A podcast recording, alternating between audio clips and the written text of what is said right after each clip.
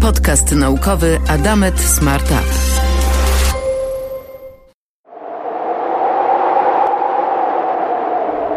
Powietrze. Mieszanina gazów i aerozoli składająca się na atmosferę ziemską.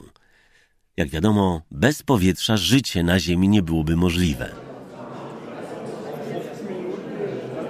Dr Tedros Adhanom Ghebreyesus, dyrektor WHO 30 października 2018 roku, Genewa, pierwsza globalna konferencja WHO na temat zanieczyszczeń powietrza i zdrowia. Jesteśmy tutaj, ponieważ zanieczyszczenie powietrza jest jednym z największych zagrożeń dla zdrowia ludzkości i musimy coś z tym zrobić. Pilnie. Proszę pozwolić, że przypomnę kilka liczb. Zanieczyszczenie powietrza zabija 7 milionów osób każdego roku. Na całym świecie 9 z 10 osób oddycha powietrzem zanieczyszczonym emisjami, będącymi pochodnymi ruchu samochodowego, przemysłu, rolnictwa i spalania odpadów. Około 3 miliardów osób używa wysoce dymiących, emitujących substancje smoliste pieców i paliw w swoich domach, aby gotować lub ogrzewać się. Nasze ostatnie estymacje wskazują, że nawet jedna trzecia zgonów z powodu zawałów serca, udarów, nowotworu płuc i przewlekłych chorób dróg oddechowych wywołana jest zanieczyszczeniem powietrza. O tym, jak jest źle, słyszymy dużo. Spośród dziesięciu najbardziej zanieczyszczonych miast w Europie siedem jest w Polsce. Ale jednocześnie mamy mnóstwo niezwykłych osób, które walczą o czyste powietrze. I walczą tak, jak my w Adamet Smarta lubimy najbardziej. Ich bronią jest nauka. Nie ma wątpliwości, że smog szkodzi zdrowiu. Choć do niedawna uważano, że smog wpływa niekorzystnie głównie na drogi oddechowe, dziś wiadomo, że toksyczne cząsteczki przedostające się z powietrza do organizmu mogą spowodować stany zapalne i uszkodzenia we wszystkich niemal tkankach i narządach. Dotyczy to także, a może przede wszystkim dzieci. Dlatego dzisiaj rozmawiam z panem doktorem habilitowanym inżynierem Arturem Jerzym Badydą, kierownikiem Zakładu Informatyki i Badań Jakości Środowiska w Politechnice Warszawskiej, współautorem badania przeprowadzonego przez Warszawski Uniwersytet Medyczny, Politechnikę Warszawską i firmę ARC. Panie doktorze, co to jest smog? Smog e, jest to e, pewne zjawisko, i to trzeba podkreślić, zjawisko, które e, jest związane ze współistnieniem dwóch grup czynników. Pierwszą z tych grup czynników, można powiedzieć, jedna i druga jest kluczowa, tak? ale pierwszą z tych grup czynników są czynniki związane z meteorologią. To znaczy e, z pewną sytuacją, która e, w taki czy inny sposób powoduje brak możliwości albo utrudnione możliwości w mieszaniu się mas powietrza, co jest kluczowe dla tej drugiej grupy czynników związanych z zanieczyszczeniem powietrza. W okresie, kiedy występuje szczególnie tak zwana wyżowa pogoda, kiedy e, dochodzi do sytuacji, zwłaszcza w okresie zimowym, tak zwanej inwersji termicznej, a więc sytuacji, w której wraz ze wzrostem wysokości nad poziomem gruntu zaczyna nam rosnąć, a nie spadać, jak to ma miejsce normalnie, temperatura powietrza, zanika tak zwane zjawisko konwekcji, a więc zjawisko polegające na tym, że masy powietrza cieplejsze u dołu unoszą się do góry. W przypadku e, inwersji termicznej taka możliwość zostaje zablokowana. Dodatkowo, jeśli występuje e, pogoda bezwieczna albo prawie bezwieczna, w zasadzie można powiedzieć, że masy powietrza przestają mieć możliwość ruchu, przestają się przemieszczać.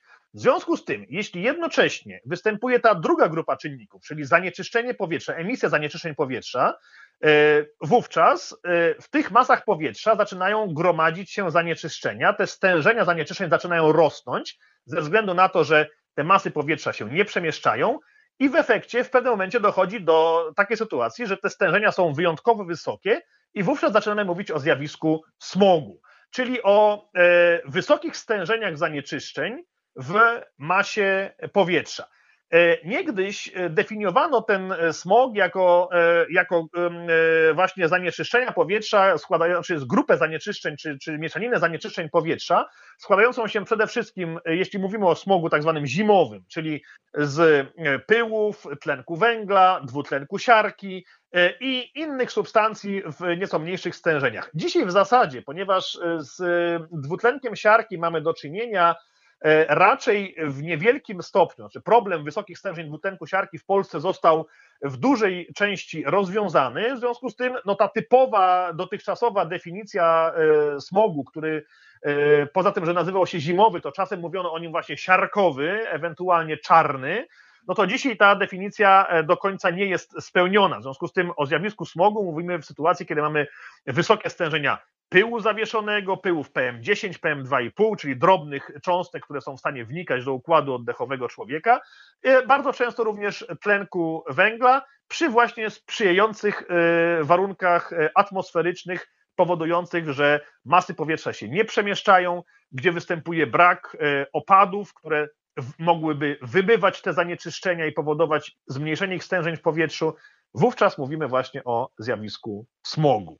Mam nadzieję, że nie, no może ta przydługa trochę historia na temat smogu, ale, e, ale e, może rozjaśni, że tak powiem, czym to zjawisko jest. Dodam tylko jeszcze, że bardzo często w przestrzeni publicznej spotykamy się z wymiennym stosowaniem terminu smog i zanieczyszczenie powietrza.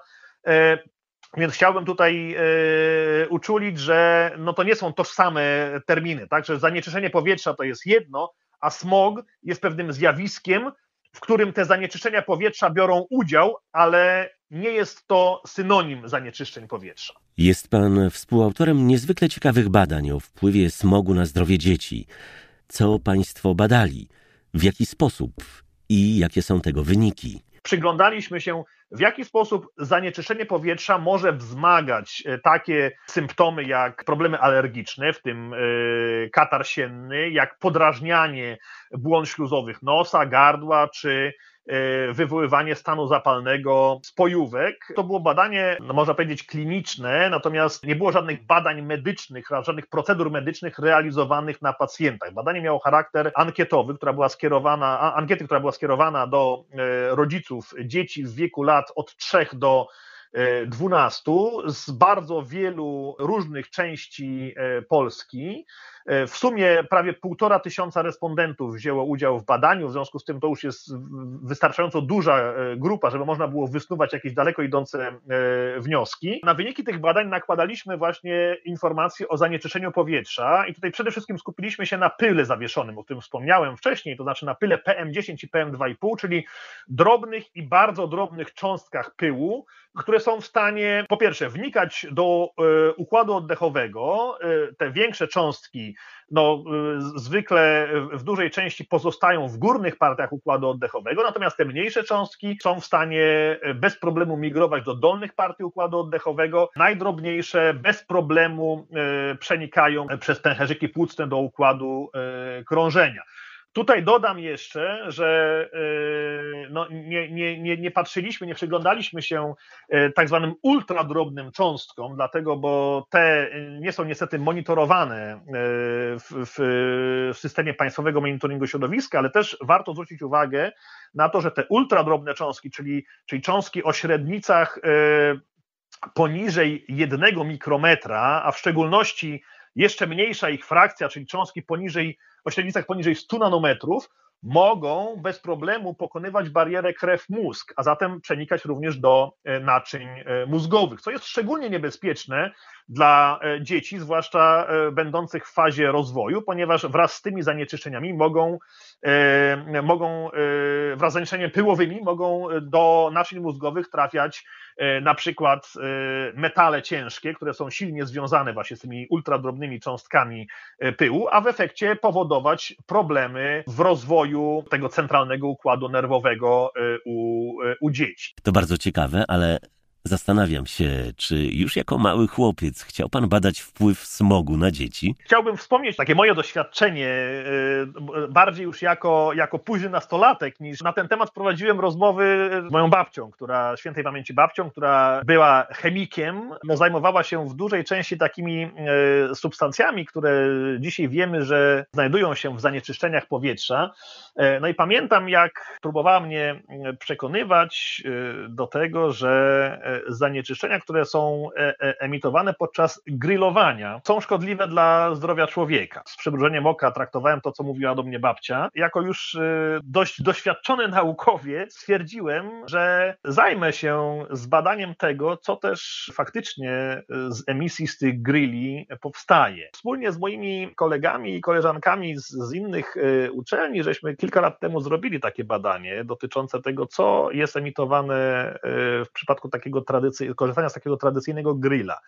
No i okazało się, że moja babcia miała rację, nie tylko jeśli chodzi o to, jakie jest spektrum tych substancji, które powstają podczas spalania tego brykietu e, czy też węgla drzewnego e, na tradycyjnym grillu, ale że również może mieć to poważne skutki dla zdrowia człowieka, bo oprócz tego, żeśmy zbadali, co jest emitowane, to również zrobiliśmy taką analizę dosyć szczegółową y, związaną ze skutkami zdrowotnymi, jakby ze skutkami związanymi z narażeniem na te zanieczyszczenia, które podczas grillowania powstają. No i okazuje się, że tak naprawdę może to mieć poważne znaczenie dla rozwoju chorób nowotworowych. Smog wpływa w ogromnym stopniu na nasze zdrowie. Sytuacja jest poważna i wiele jest jeszcze do zrobienia. Ale co to oznacza dla każdego i każdej z nas? Czy możemy jakoś ze smogiem walczyć we własnym zakresie?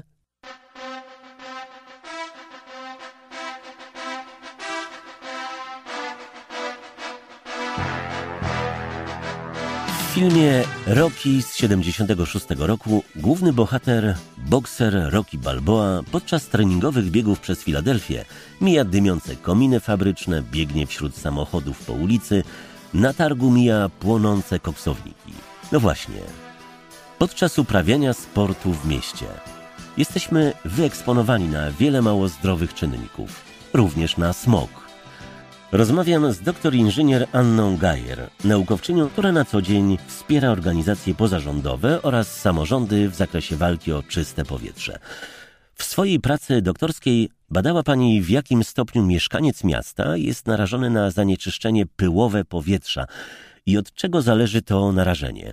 Pani doktor, co nam grozi podczas niewinnego joggingu w mieście. Może bezpośrednio jednorazowe narażenie na wysokie stężenia zanieczyszczeń powietrza nie są y, jakieś takie bardzo trwale uszkadzające zdrowie. Natomiast jeżeli rzeczywiście mamy do czynienia ze smogiem, mamy do czynienia z wysokimi stężeniami przez długi okres czasu, na przykład przez cały okres grzewczy, to rzeczywiście spędzanie czasu na zewnątrz y, zwiększa tą ekspozycję i jednym słowem no, zwiększa nasze narażenie na to, że większa liczba chociażby cząstek stałych, czyli tego pyłu, dostanie się do naszych płuc i do innych organów naszego organizmu. Dbanie o jakość e, naszego zdrowia, sprawność fizyczną, aktywność fizyczną tak naprawdę no, polepsza nasze zdrowie, więc jest taka tutaj trudna odpowiedź do udzielenia, czy tak naprawdę gorzej jest w ogóle nie uczestniczyć w takiej aktywności fizycznej na zewnątrz, czy lepiej podejmować aktywność fizyczną pomimo tego, że jakość e, powietrza jest zła.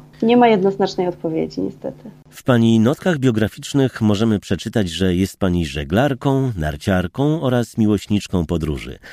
Czy te zainteresowania miały wpływ na pani pracę naukową? Szczerze powiedziawszy, akurat moje zamiłowanie do sportu na zewnątrz e, nie miało wpływu na e, ścieżkę kariery. Niemniej, co warto podkreślić, e, spędzanie czasu na otwartym powietrzu, w miejscach, w których stężenie zanieczyszczeń powietrza jest mniejsze, jest, e, że tak powiem, korzystne dla naszego zdrowia, ponieważ wysoko w górach jest lepsza jakość powietrza niż bezpośrednio nad e, miastem, na przykład znajdujących się w, w kotlinie czy w dolinie, e, wśród miejsc, w których znajdują się paleniska domowe, ogrzewane są domy paliwem stałym więc lepiej, że tak powiem, rzeczywiście tą aktywność wykonywać wysoko w górach, jeździć na nartach, czy latem, kiedy stężenia w Polsce są zdecydowanie niższe niż zimą, uprawiać żeglarstwo. Niemniej rzeczywiście to nie to zdecydowało o mojej ścieżce y, kariery. A co możemy poradzić naszym słuchaczom, młodym osobom zainteresowanym nauką? Jak wykorzystać pasję w walce o lepsze powietrze? Na pewno to, co sprzyja y, rozwojowi społeczeństwa i rozwojowi społeczeństwa, nazwijmy to bardziej ekologicznego, to zwiększanie świadomości. Wydaje mi się, że duży nacisk, który można by było położyć na rozwój nauki i naraz poszerzania świadomości, to jakby ulepszenie technologii powiadamiania społeczeństwa. To jest na przykład taki, taki trop, który mogę, że tak powiem, rzucić. Są na pewno różne technologie, które ograniczają emisję zanieczyszczeń, na przykład z spalenisk domowych. E, to jest kolejne miejsce, w którym e, można rozwijać swoje pasje naukowe, wdrożeniowe i w którym rzeczywiście przyczynialibyśmy się do lepszego, lepszej jakości powietrza. Słuchacie podcastu naukowego Adamet Smartup. Więcej o programie wspierającym naukowe pasje polskiej młodzieży przeczytacie na adametsmartup.pl.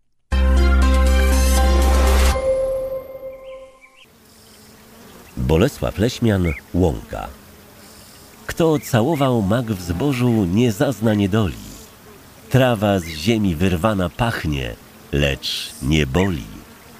Kocham stopy twoje bose, że deptały kruchą rosę, rozróżniając na oślep chabry od kąkoli.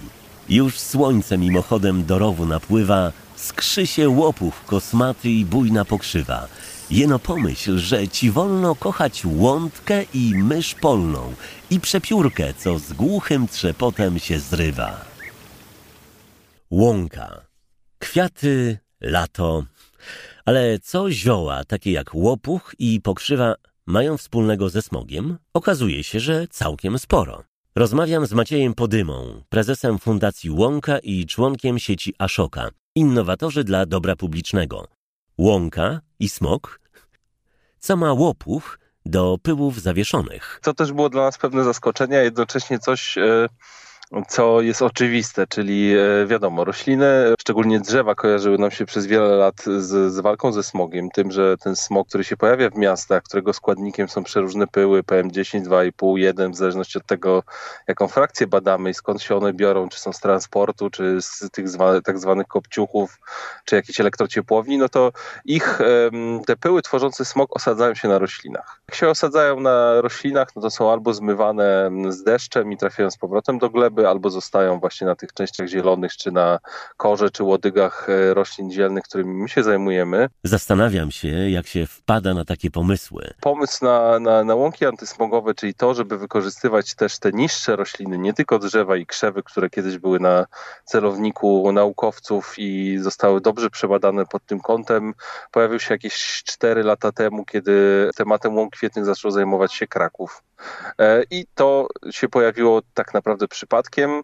E, pewien pan, który się zajmował PR-em Krakowa, na jednej konferencji miał mówić o łąkach kwietnych, które miały powstawać w Krakowie i jednocześnie o strategii walki ze smogiem e, i po prostu połączył te dwa tematy w jedno. My zobaczyliśmy informację prasową z tej konferencji, na której on to, on to on o tym powiedział, no i uznaliśmy, Boże, genialny pomysł, jak wy to robicie. Odezwaliśmy się do nich i się okazało, że właśnie była to taka, taki chochlik, który się pojawił na konferencji, no i skoro pomysł był dobry, temat e, wydawał się realny do zrealizowania, e, więc e, postanowiliśmy działać wspólnie z Zarządem Zieleni Miejskiej w Krakowie i, i wprowadziliśmy pierwsze takie mieszanki, które były dostosowane do tego, żeby wyłapywać pyły. Przede wszystkim chodziło nam o to, żeby dobrać rośliny, które mają lepkie i szorstkie liście, takie jak drzewa uznawane za e, antysmogowe, w skrócie ujmując takie, które najlepiej wyłapują pyły. No i okazało się, że taka skuteczność e, tych specjalnie dobranych roślin jest niesamowita, jeżeli chodzi o oczyszczanie powietrza. W jaki sposób nauka weryfikuje ten pomysł? Należało wysiać mieszankę, e, postarać się ją dobrać per analogia, czyli analogicznie do, do drzew, czyli wybrać takie rośliny, które no, po prostu spełniają te warunki. Przede wszystkim musiały przetrwać w takich ciężkich warunkach, jakie są przy drodze. Dużo soli, mało wody, częste koszenie i tak dalej. E, no, to są po prostu ciężkie warunki.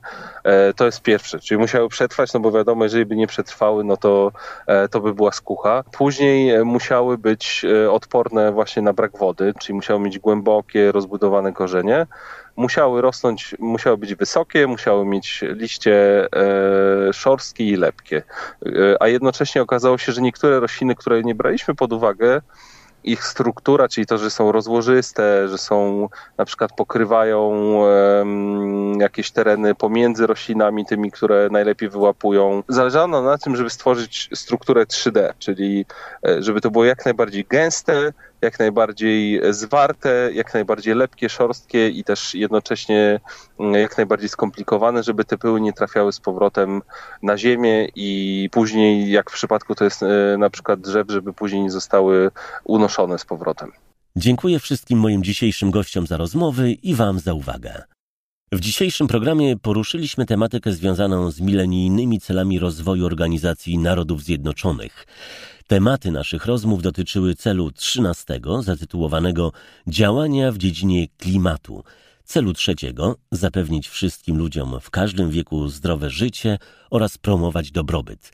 11 uczynić miasta i osiedla ludzkie bezpiecznymi, stabilnymi, zrównoważonymi oraz sprzyjającymi włączeniu społecznemu oraz celu 15 chronić, przywrócić oraz promować zrównoważone użytkowanie ekosystemów lądowych, zrównoważone gospodarowanie lasami, zwalczać pustynnienie, powstrzymywać i odwracać proces degradacji gleby oraz powstrzymywać utratę różnorodności biologicznej.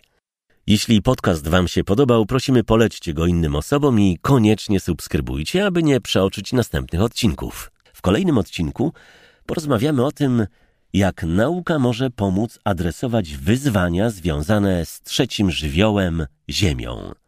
Podcast naukowy Adamet Smart Up.